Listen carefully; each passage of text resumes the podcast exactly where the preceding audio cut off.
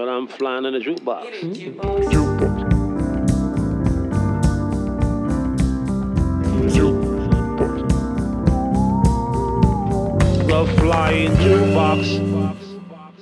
Hej och välkomna till den flygande jukeboxen, en podd av, med och för musikälskare. Mitt namn är Patrik Stanelius och i det här avsnittet pratar jag med en person som, i alla fall i mina ögon, utmanar den klassiska bilden av hur en tonsättare jobbar. Lo Kristensson älskar improvisation. I kompositioner som Puls och Nattljus framförs musiken utan dirigent. Lo är lika mycket andlig ledare som tonsättare när hon samarbetar med sina musiker för att ge dem nycklarna till världarna hon skapat. Så som hon beskriver sitt tillvägagångssätt, där hon fokuserar på andning och kommunikation väldigt mycket, får jag känslan av att det liknar seanser där målet är ett vidgat medvetande. Och det är ju häftigt. I en av Lo Kristenssons mest kända kompositioner, Vridna vågsång, låter hon musiken gestalta motstånd i ordets samtliga bemärkelser. Och det blir en väldigt speciell stund i avsnittet när Lo tar oss med i en djupdykning rakt ner i musiken. Någon gång under nästa år släpps hennes album Förnimmelser och för den som blir nyfiken på utställningen vi pratar om i avsnittet och som befinner sig i närheten av Artipelag under januari till april nästa år så kan jag glädjande nog berätta att den går att besöka där då. Nu kör vi! Hej Lo och tack så hemskt mycket för att du tar dig tid att släppa in mig här i den här fantastiska multimediala eh, lokalen. söder om stan. Ja. Det står ett, eh, jag gick förbi för att komma till eh, ditt rum, eller ditt kontor och då såg jag att det var ett förråd som var fullt med eh, pokaler, mm. troféer av alla de slag. ja.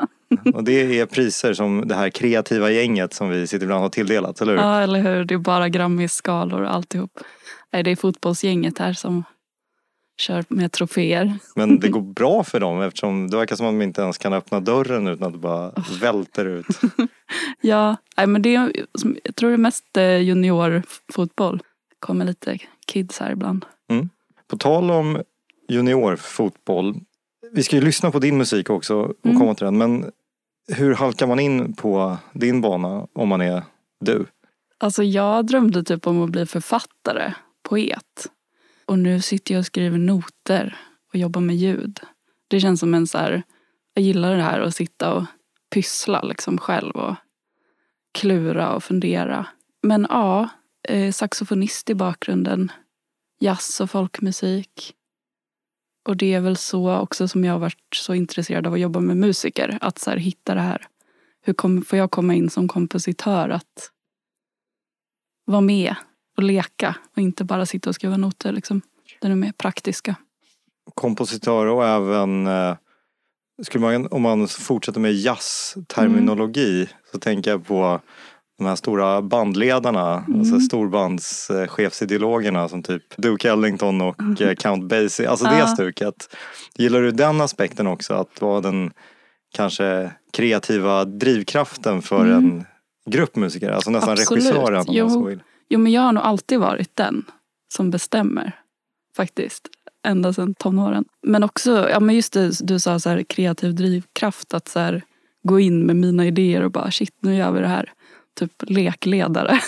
och hur lät det beskrivet i ord då? Mm. Ja, men eh, jag har alltid varit jätteinne på impro och improvisera. Liksom. Ja, men alltså som när man börjar kulturskolan på saxofon så är det ju jazz som gäller. Liksom.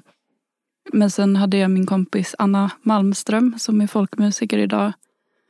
Vi har liksom följt varandra så här jättenära och så här, nu ska vi testa på typ klezmer och har testat eh, allt i världsmusik och och väldigt mycket så här, åkt ut på kurser. Det är nog mest så här, improvisationen som har lockat mig. Med jazzen och folkmusiken. Man kan liksom inkorporera det i låtar Eh, och själva mötet så här, när man typ jammar och lirar på folkmusikstämmor. Och... Fibbar in med varandra. Mm. Mm.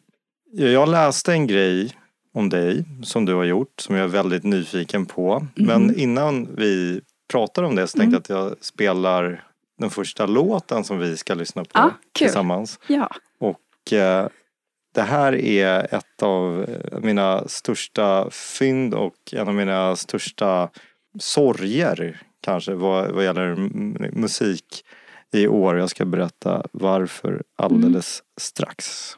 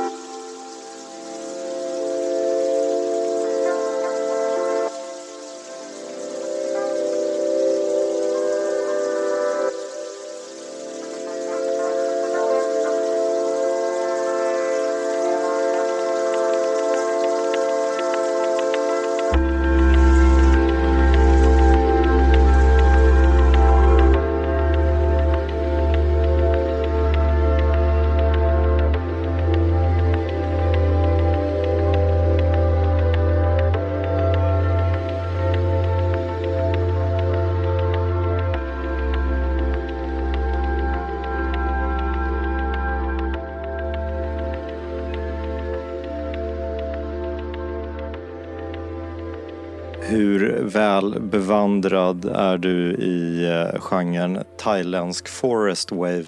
Och jag önskar att jag var mer bevandrad. Ja, Men inte alls. Nej, okej. inte än i alla fall. Inte än. Det här är en eh, artist eller producent Mm. som kallar sig för Crow Dungeon. Spåret vi lyssnade på heter typ, alltså det är svårt, det står ju på thailändska Mm. här, men Hai Sang Swang kanske. Mm. Från ett album som jag inte ens kan eh, försöka mig på att uttala. Nej. Och det här är utgivet på det koreansk-thailändska skivbolaget Cho Oyu Records Mm. som ger ut, om man går in på deras eh, Instagram så är det Music mostly about the forest. Wow. Ja, men och det är fantastiskt. Det, det, är- det är liksom ett artistkollektiv som släpper, eller har släppt grymma grejer Mm. sedan 2018. Den här sorgen som jag pratade om, det är att jag vet inte exakt vad det är som har hänt men det verkar som att någon riktade en attack mot skivbolaget Cho Oyu tidigare i år. Alla deras grejer bara försvann från internet. Va? Och eh, de lyckades få upp musiken tillfälligt på Bandcamp och hade då en drive att alla som köper den Mm. digitala diskografin kommer undan med en, med en spottstyver, vilket jag då gjorde. Men sen Mm. har musiken försvunnit igen. Men gud. Den går liksom inte att hitta någonstans. Men eftersom jag hade turen att lyckas betala för den i våras så, så finns den kvar på mitt Bandcamp-konto. Men det går liksom inte att komma åt det från externa enheter eller någonting. Nej. Och jag har faktiskt skrivit till dem på Insta och frågat what happened? Och de svarade med att följa mig tillbaka men inget svar i övrigt. Så det är ett stort mysterium. Gud. Åh, ja, verkligen sorg. Och alla deras släpp är, det är liksom skogstema, det är drönarbilder på fantastiska träd. Det finns ett album som heter Klorofyll Mm. av en producent som heter Lua. Och eh, ja, alltså är det så att någon skulle snubbla över det här så är det en, en varm rekommendation från min sida. Mm. Och vad har det här att göra med dig tänker du? Mm. Jo, i början av den här låten så hör man ju nästan att det låter som, alltså det prasslar och knastrar nästan Mm. som insekter. Mm. Och du har ju tonsatt en utställning om insekter, men nu lämnar jag över ordet till dig så får du berätta. Ja, precis. Det är en konstnär som heter Annika Liljedahl som har gjort jättehäftiga... Alltså det är en installation av olika skulpturer liksom, som hon har gjort med ja, så pilligt så här, med ståltråd och synålar. Och, eh, och de är liksom så här som science fiction-insekter. Och bara så olika morfade insekter som ser ut som en fluga och så sitter en sko på eller ja, det är som en fantasivärld. Eh, så bjöd hon in mig att göra musik till det. Så vi har gjort en installation ihop liksom av eh, skulpturer och ljud. Och det är väl eh, två, tre år sedan. Det ska ställas ut igen nu i, på Norrlandsoperan i Umeå. Blir det vernissage 12 november. Det är en rolig grej. Kanske kommer det till Stockholm igen. Men ja, det var så mitt första så här, ins- ljudinstallationsbeställning. Och det var så kul för hon hörde av sig för att hon hade hört mitt stycke Vridna vågsång för stråkinstrument. Så här, och bara, det här är bra insektsmusik. Så det kändes att hon verkligen ville ha det här atmosfär. Liksom man går in i ett rum och så bara pågår det ljud. Du då, hur närmade du dig en sån här uppgift? Alltså vad är din ingång på insekter? Ja, svårt. Eh, det finns ju mycket med insekter som är obehagligt och det är ju en del av installationen också. att Det är vackert men det finns ju också ett obehag i mötet med insekter och vårt... Ibland de inkräktar på vårt område och vi utrotar stora arter. Liksom. Så det är ju en jättestor aspekt att ta sig an insekter och så här. Det är ett jättestort eh, samhällsproblem. Eh, men jag lockades så mycket av det här att det är en fantasivärld. Eh, men också en slags dystopi på ett sätt. Så jag har ju mest använt mig av andra typer av ljud än just direkta. Jag har med lite så här syrsor och något flugbrus liksom. Men mest har jag skapat egna idéer. Och framförallt då liksom om så här hur, hur låter insekter när man inte tänker ur ett människoöra utan att få så här fantisera just så här hur låter deras värld utifrån en insekts perspektiv. Liksom. Och om man tänker att man skulle kunna zooma in liksom, på en Mm. myrstack eller så. Och så har jag inte undersökt det vetenskapligt då, utan helt utifrån min föreställning. Så här. Det är ju superspännande. Mm. Tyvärr så fanns det ju bara alltså, en ytterst kort Ja. snutt av din musik att höra. Det finns ett, ett, en Youtube-trailer i princip Ja. för den här utställningen från Precis. när den hade ursprungspremiär. Men det är ju goda nyheter då att eh, Ja. det finns en chans att uppleva det här Verkligen. igen. Gud ja. Jo men det jobbar vi på. När du eh, liksom grottade ner dig i insekternas värld, eh, vad har du kommit fram till? Är det bäst att vara, som människa ha skelettet på insidan eller är du en förespråkare för exoskelett nu för tiden? Det är så mycket äckligt med allt det här. Det är så rolig process. Och bara, jag har lite så spindelfobi. Liksom. Mm. Men det är ju åh, det är så fascinerande. Jag har kollat på så mycket videos. Liksom. Blev det lite KBT nästan? Ja, eller? gud ja. Verkligen. Det är nog KBT att gå på den utställningen. Okej, Helt klart. så tips och eller avrådan Ja. för människor med insektsproblem. Ja, det som är tips är att utställningen rör sig ju inte utan de här skulpturerna står ju still. Det är ju bara ljuden som kanske kan vara lite påträngande. Nämnde vi vad utställningen heter? Den heter Insekt Insikt. Insekt insikt. Mm. Bra. Då tuffar vi vidare Mm, på, med musiktåget här.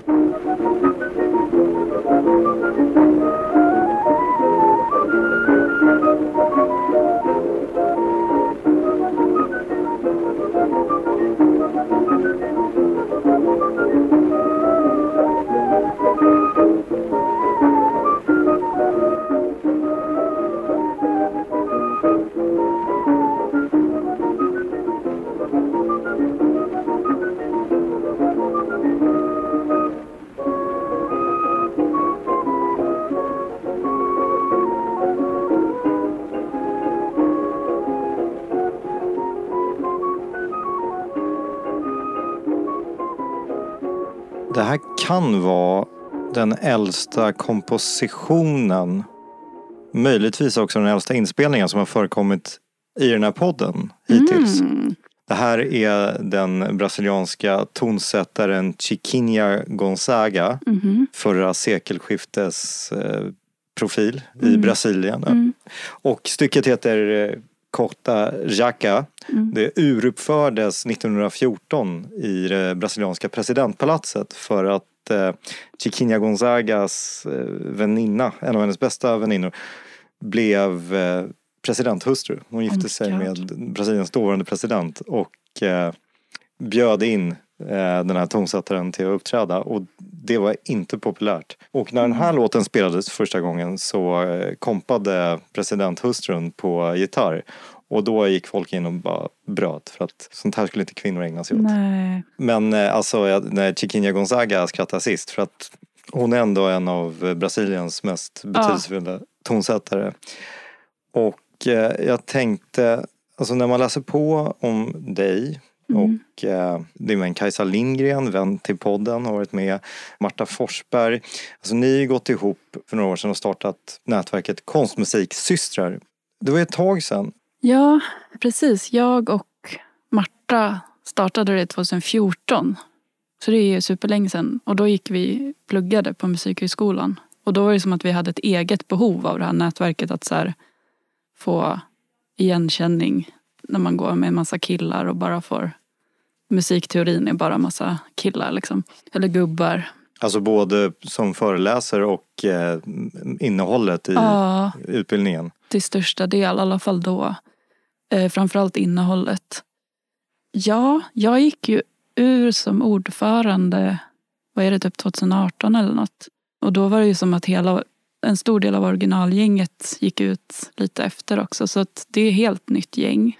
Vilket känns skitbra också att det kommer in nya som har ett behov, alltså ett eget behov liksom. När man själv går ut och börjar bli etablerad. För att tanken kring det här nätverket var ju just för tjejer och transpersoner, icke-binära.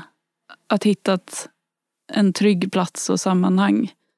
När man kanske är i början och, av sitt skapande och så här, vad man ska hitta på i livet. Mm. En tanke om det var ju också att så här, hur kommer man in på konstmusik eller EAM eller ljudkonst? Att få in andra genrer i det också. Att få bredda begreppet så här, och uttrycket för vad då det här konstmusik är för någonting. Eh, Just för att få in fler som inte är grabbarna liksom. Och också bra om man som, eh, hette hon Annika Lilje- Liljedahl, är ute efter någon att eh, samarbeta med till, alltså vad det nu kan vara. Ja, precis. Om vi går tillbaka till stycket vi lyssnade på så är det ju en fin liten flöjt som spelar den här Mm. uh, arpeggio-figuren. Eh, jag är väldigt svag för eh, viss flöjtmusik, Mm. jazzig tvärflöjt. Den här sköra lilla saken var ju också väldigt fin. Men eh, du spelade saxofon sa Mm. du. Hur ofta händer det att du blåser i hornet? Eller vad? Nu är det faktiskt väldigt länge sedan. Men det är på gång. Okej, Jag kan säga att det är en liten hemlis jag har just nu. Det kommer bli mer saxofon i framtiden. och alltså känslan jag får när jag ändå kliver in i den här världen är Mm. att det kanske inte rör sig om alltså rakt upp och ner kött och potatis-sax utan att den så filtreras genom 70 olika effektpedaler och Ja. baklänges reverb och jag vet Kanske, inte. kanske. Kanske, kanske. Framförallt långa toner kan jag säga. Alltså det kanske kan röra sig om någon sorts sax-drone. Ja, absolut. Vad spännande. Ja. Men det här är någonting som du kommer berätta mer om Ja. bara lite när det närmar sig. Mm. Det låter verkligen teoretiskt som någonting jag skulle vara Ja. väldigt intresserad av. Ja, Vad kul. ja, ja men det, jag längtar efter att spela. Det är en sån coronagrej. man kommer på nya saker man vill göra. Men så det här är liksom fortfarande på någon sorts idéstadium hos dig eller har du Jag eh, testat? jobbar på det. Okej. Ja.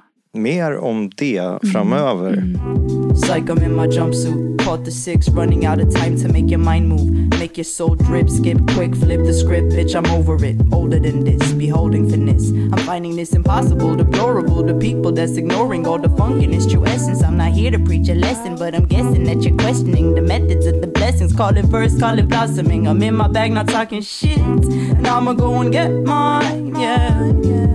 Go and get mine, mine, baby. Find the right time.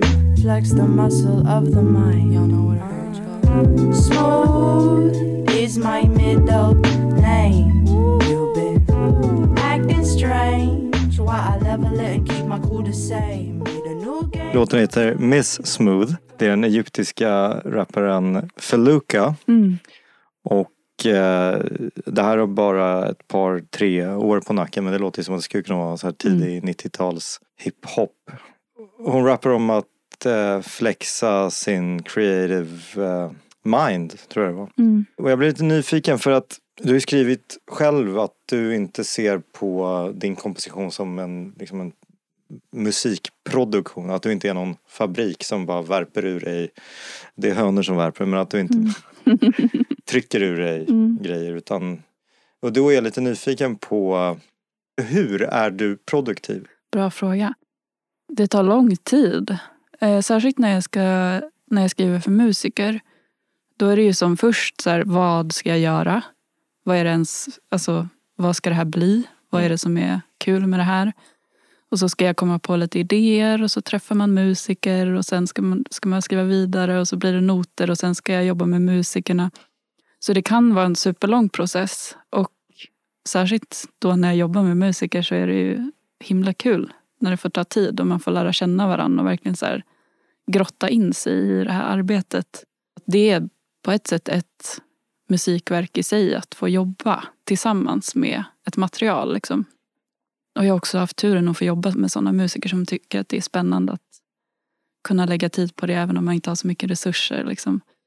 Så mycket av det du gör är konceptuellt som du säger och när vi pratade eh, innan eh, mickarna slogs på så berättade du att det är väldigt viktigt för dig att, alltså både för dig själv men också musikerna att förstå sammanhanget, eh, kalla det konceptet eller bara sinnelaget som, som ni måste vara i för att framföra det här. Och det verkar som att det sättet att jobba på, den processen är, vad ska man säga, tar upp allt. Mm. Allt syre, all tankekraft, alla känslor. Det måste vara väldigt påfrestande också. Mm, gud ja. Verkligen, särskilt för musikerna också. jo, men faktiskt, jag kräver ju väldigt mycket av mina liksom, medmusiker. Så här, det är en väldigt personlig process som jag är ute efter. Det är inte, ja, men där du säger med att man måste hitta rätt mindset. Det, är liksom inte, det finns som inte ett, ett rätt mindset på något sätt i min musik. Utan det, när jag skriver partitur så är det mycket frågeställningar om eh, hur musikern själv förhåller sig till musiken. Eh, så det finns många så utmaningar att tänka till kring, kring musiken och hur man spelar och hur man förhåll, framförallt förhåller sig till sina medmusiker när man spelar. Eh, och sin kropp finns det också mycket frågeställningar kring. Eh, och det är liksom också en vision jag har att kunna genom att liksom göra arbetet med musiker, att det ska återspegla sig i musiken. Att man kommer in i något slags tillstånd genom att ha gått igenom de här frågeställningarna. Och att det tillståndet går att förmedla till Mm. andra människor som lyssnar då. Liksom. Och rent konkret då, alltså om det är så att en violinist till exempel inte riktigt förstår vad det är du vill säga. Hur jobbar du för att bryta ner missförståndets barriär i, ett, i en Mm. sån situation? Det är ju en jättestor problematik när man jobbar så med något så specifikt. Liksom att ja, men jobba med sån mindset-musik. Liksom. När jag har jobbat med orkestrar så har det ju funnits många som kanske inte ens gillar musiken och som inte är intresserade av det jag vill prata om. Liksom. Eh, så då får man ju kanske sätta fokuset mer på musiken. Att så här, ja, men om vi förstår musiken tillsammans så kan det ändå... För det är ju också en speciell musik som kan också sätta en i det här tillståndet. Liksom. Så det handlar ju... Annars jobbar jag ju mest med kompisar som är intresserade av det här. Liksom. Men jag gjorde ett projekt i eh, höst, ja, för ett år sedan i höstas i Köpenhamn. Med ett jättefint kollektiv som heter Damkapellet. Eh, som är i Köpenhamn. Och så gjorde vi ett samarbete med Kvinnoorkestern i Malmö. Som är lite mer liksom, ja men båda jobbar med att eh, lyfta upp kvinnliga tonsättare från olika århundraden. Och där hade de orkestrarna, eller Damkapellet är ju ett kollektiv eh, i olika konstellationer. Men kvinnoorkestern är ju verkligen en stråkorkester. Liksom. Så de hade inte träffat förut och jag hade inte träffat kvinnoorkestern. Och då hade, gjorde jag ett jättegrafiskt partitur där de ve- verkligen fick jobba ihop och typ göra ny musik också själva. Alltså f- för en idiot som mig, Ja. jag trodde först att det var typ orienteringskartor. Ja, ja men verkligen. Det är ju exakt det det är. På ett sätt. Att, Ja, men, Ja. precis, men, men också mer så här, bokstavligt talat. Ja. För det ser ut som så här, du vet, sankmark. ja. Jo men det är lite kart, kartor. Att så här, hur ska vi göra det här? hur kommer vi fram? Eller hur är vägen? Snarare. Jag kan bara föreställa mig att det är en väldigt häftig känsla när den förståelsen hos eh, musikerna uppstår. Att, att det klickar och alla bara fattar Mm. vart Ja. du vill komma. Framförallt när det finns, alltså att det sätts igång ett intresse hos dem själva. Och in, för att ofta är det kanske inte att de måste förstå exakt vad jag vill utan snarare att börja sätta igång en egen relation till musiken helt enkelt. Du Lo, nu har vi ju pratat så mycket om dig, alltså musik ska ju lyssnas på och spelas Mm, och mm. inte pratas om. Så vad Mm. säger du om att vi slänger på en äkta Kristensson? Ja. Och nu är det ju så att du har ett Soundcloud-konto där man kan höra ett gäng Mm. inspelningar av dina verk. Men medan vi sitter här och pratar så har det ju nyligen faktiskt släppts en eh, jättefin inspelning av hitten. ja, och jag tänkte att vi ska lyssna på den. ja, vad kul.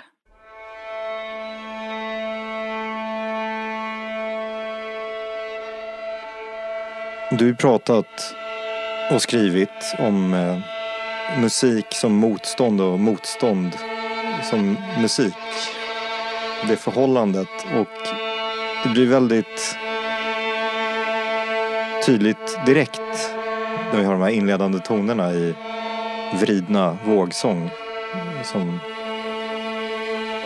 var det här ditt examensstycke från eh, Kandidat, Musikhögskolan? precis. Mm. Och det här är och det är ett, vad är det nu är det väl fyra, fem år sedan? Kanske mer? ja. Ja, fem år sedan. Mm. Och den här har hängt med. Mm, verkligen. Kan du utveckla det här med motstånd, tanken om motstånd? Lite? Ja. Typ en disclaimer kanske eller något. Att jag har ingen vision om att den här låten ska liksom skapa, eller jag skulle ju älska om det skapade ett motstånd i motståndsrörelse. Men det det framförallt handlar om är väl uttrycket av motstånd. Och det motstånd man har i sig från förtryck eller tankar utifrån eller allt möjligt som man går och bär på. Som skaver och som man kämpar med i kroppen eller huvudet. Och att liksom uttrycka det. Och samtidigt de här instrument, stråkinstrumenten, är så, det är ju så mycket friktion att liksom dra en stråke över strängarna. Så det är ju som också en studie i stråkinstrumentets olika friktionsmöjligheter. Jag eh, är ju inte stråkmusiker men som jag förstått det så är det inte nödvändigtvis så att det här är det mest konventionella sättet att spela instrumenten på. Nej. Nej, det är ju ganska så här... Det är väldigt krävande har jag förstått att det är en väldigt långsam, mycket långs, långa toner som ska gå in i varandra. Eh, så det gäller att hålla en balans liksom i kroppen och det är ju ganska obekväm, ganska statisk ställning så det finns ju också lite uppmaningar i partituret att känna in så här, hur känns det nu i kroppen när vi spelar så här. Bara, ja, det är jobbigt. Bara låt det, det jobbiga få liksom växa ut i musiken. Så här. Men också här som vi hör, det är mycket så här samma toner som går in i varandra och så är det lite intonation som gör att det skaver. Mycket vibrationer. Och det som också är i titeln, vridna vågsång. Det är också mycket det här vridandet och hur... Ehm, det är en slags idé om ifall man kan vända motståndstyngden och kraften som finns i ett motstånd och ta den kraften och liksom vända den i någon slags spiral, vrida runt den här kraften. Jag fick faktiskt en till association när jag Mm. lyssnade på det här senast. Och det, längre fram i stycket så hör, så hör vi hur eh, musikerna sjunger med i Mm. det de spelar. Och eh, alltså det blir nästan som... Ja, men jag fick liksom en inre bild av elektricitet och ström. Och där finns det också Mm. motstånd. Verkligen. Eh, som slog mig. Det är som en bonusassociation. Mm, fint. Ja, verkligen. Men det är ju alltid med spänningar och vibrationer. Liksom. Mm. Och vi hör... Säger man Malva-kvartetten eller Malva Quartet? De har ju hetat Malva-kvartetten länge men nu tror jag de har döpt om sig lite för att passa till engelska. Den internationella marknaden. Ja. Så vi har Malva Quartet som eh, släppte albumet Wooden Bodies. Mm. under hösten Mm. och eh, blev väldigt varmt mottaget. Fick en femma i DN bland annat. Mhm. Hon tyckte att alla låtar var bra. Mm. Och eh, ja, du är representerad med Vridna vågsång och sen är det ett gäng andra tonsättare. Hur känns det att vara delaktig i det här? Ah, det är som en stor födelsedagspresent. Alltså verkligen. För jag gjorde, ja, men som sagt jag skrev ju det här för fem år sedan. Mm. Och sen tog de, för det kan jag också säga att stycket är egentligen dedikerat till en annan ensemble. Som består av Tove Bagge, Julia Morgan och Hanna Kronhjort. Som har spelat en dubbelt så lång version av den här. Så det kanske kommer i framtiden. Eh, Men det som är så otroligt fint med Malva-kvartetten är att de verkligen har tagit till sig det här stycket och spelat det i ja, fyra, fem år på massa olika konserter. Och så bara hörde de av sig. Bara, vi ska släppa en skiva nu äntligen. Vill du vara med? Jag bara yes! Så har jag inte behövt liksom. Jag har inte varit involverad. Nej. Så det är ju, Men gick du in i studion och så här, nu ska jag lära er hur ni ska spela på riktigt? oh nej. Nej, det är deras stycke nu verkligen. Eh, och sen, ah, det är ju bara så himla sån stjärngrupp av kompositörer att få vara med i. Liksom, med Teboho, Mona Kotla och Karin Renqvist, Caroline Shaw. Bara jättehäftigt att få vara med på den plattan.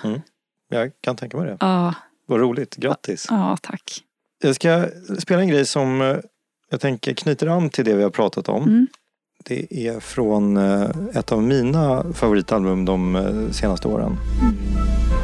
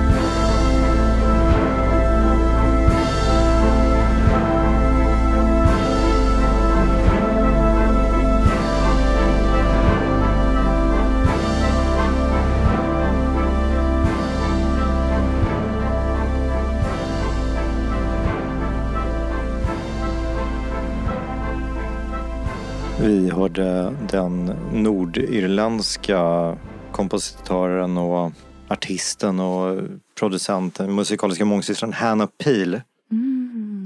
stycke Deep Space Cluster från albumet Mary Cassio, The Journey to Cassiopeia. Och eh, det är ett konceptalbum där hon föreställer sig själv som en 86-årig uppfinnare vid namn Mary Cassio Mm. som drömmer om att resa långt bort i yttre rymden samtidigt som hennes stackars hjärna håller på att försvinna in i demensdimman. För tydligen så finns det enligt neurologisk forskning eh, väldigt stora likheter mellan hur eh, hjärnan är uppbyggd och hur rymden är uppbyggd. Och du vet, mer kan jag inte säga om det. Mm. Men det, när man läser om det här Shit. albumet så är det någonting hon har pratat om. Ja. Hon pratar med neurologer och är väldigt inspirerad. Och eh, det som är kul är att det här är ett möte mellan en stor mässingsorkester och hennes eh, analogsyntar. Mm. Wow. Ja. Eh, Ja, men det kändes ju verkligen som en film. Liksom. Mm, Tänker på den här Koyanis Katsi. precis. Philip Glass musik. Ja, precis. Och eh, hon spelar eh, till vardags, eller när, den, här, den här skivan är från 2017 Mm. och eh, det är en inspelning av en konsert som ordnades eh, ett år tidigare i England. Och då tog hon semester från sitt dagjobb i trion The Magnetic North och blev så kär i konceptet att hon liksom fortsatte Mm. utforska den här världen. Det är väldigt konceptuellt och vi har pratat mycket om att du jobbar mycket med koncept och, Mm. och, och tankar. Alltså, händer det någonsin att du bara sätter dig ner och du vet, skriver en melodi i A-moll bara för att, ja det händer, nu nickar. Men det är mycket sånt som är musiken också. Alltså, kanske göra en melodi i A-moll och sen drar jag ner tempot hundra gånger. Men jag har gjort en del koraler. Absolut. Mm. Vad har du i lurarna då när du lyssnar själv? Alltså det är ju svårt att svara på sådär i allmänhet men Och nej, jag lyssnar nog aldrig på konstmusik. Alltså, det närmaste jag kan komma till att lyssna på konstmusik är väl typ, går ju på konserter såklart liksom. Vad är konstmusik liksom? Gör jag konstmusik? Det är en jätteflummig genre tycker jag. Men jag lyssnar ju mycket mer på pop och R&B i mm. lurarna liksom. Men jag kan nämna en favorit som också är en sorg. eh, För hon dog väldigt tidigt. Det är Lasa de Sela. Helt fantastiska låtar. Det brukar jag gå runt med i lurarna. okej, det ska jag spana in när vi skiljs åt. Ja, gör det. Jag har en sista grej Mm. eh, och det var faktiskt eh, en sak som du skrev i din eh, kandidatuppsats som jag Mhm. Fastnade för. Men Vi ska lyssna på en sak först.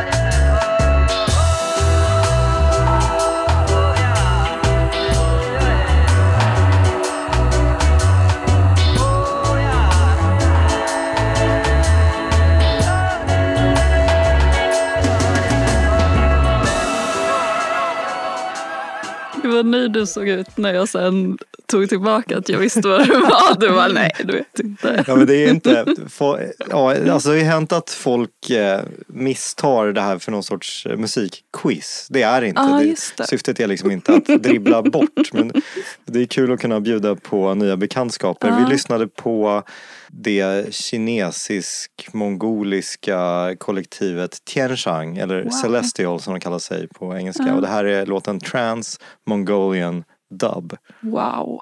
Gud, för det låter ju så himla likt Glesbygden. Ett eh, sånt skaband från Umeå som har tagit med lite så här, nu kommer jag inte ihåg vad han heter, men en samisk artist som jag har skickat och så här. För att när basen kom in, alltså det är verkligen såklart eh, stereotyper men väldigt stillikt. Också att ta in folkmusik liksom. Ja, precis. Och alltså det där är ju, verkar vara en, ett, alltså det här gänget är liksom ett hopkok av killar och tjejer och allt möjligt Mm. från hela nordöstra Mm. Kina-trakten och de är- verkar vara baserade i Hongkong. Men eh, det är just den mongoliska kopplingen som jag tänker på för att du nämnde något som heter kajakat kanske, Mm. eller jag nu vet jag inte om jag uttalar det rätt. Ja, En, någon sorts mongolisk sånglek eller Ja. sångövning. en inuitisk tradition. Berätta. Det är ju som också en grej som har gått i lurarna något år sådär. Men det är ju inget jag gör anspråk på att förstå liksom. Men eh, det är en jättehäftig tradition som jag har förstått det liksom långt, långt tillbaka. Att när typ männen gick ut och jagade och fiskade så stannade kvinnorna hemma och gjorde den här liksom leken där man står så här jättenära och så ska man sjunga varannat. Dels så typ har man ett sånt growl-ljud på inandningen. Så man sjunger så först på inandningen och sen sjunger man en ton på utandningen. Och tillsammans så blir det en melodi. Och så håller man på så där och typ hyperventilerar tills någon tappar andan eller börjar Mm. skratta. Så det är någon sorts liksom musikalisk pingismatch nästan. Ja. och så står man så här jättenära och typ inandas varandras luft. Så här. Den är väldigt intim. Har jag förstått det. Och det här är någonting du har ägnat dig åt? Nej. Eller inspirerats av? Jag har bara lyssnat på det. Jag har inte... Jag vet ingenting om det. Liksom. Jag önskar att jag kunde utöva det för det är så häftigt. Okej, för jag såg fram, framför mig att ni stod inför repetitionerna Ja. och värmde upp med det här. Ja, Nej, det kändes lite konstigt att göra det kände jag. Men eh, jag har lyssnat på det jättemycket. Det finns så mycket på Youtube. Okej, så att det är som en liksom, egen genre om man, om man söker på det här. Mm. Jag ska lägga, jag lägger upp Ja. på det här avsnittets eh, inställning hur exakt hur det stavas och vad man ska Ja, söka på för alla som är nyfikna. Ja, verkligen. Ja, du, då var den här musikaliska Mm. tomtesäcken tömd och Ja. upppackad Ja, för den här gången. och det var en bra julafton. Många bra. Vi lyssnar på alla de här grejerna igen. Lo, tack så hemskt mycket Ja, för att du tack, tog dig tid. tack själv. Jättekul. Ha det bra. Ha det bra.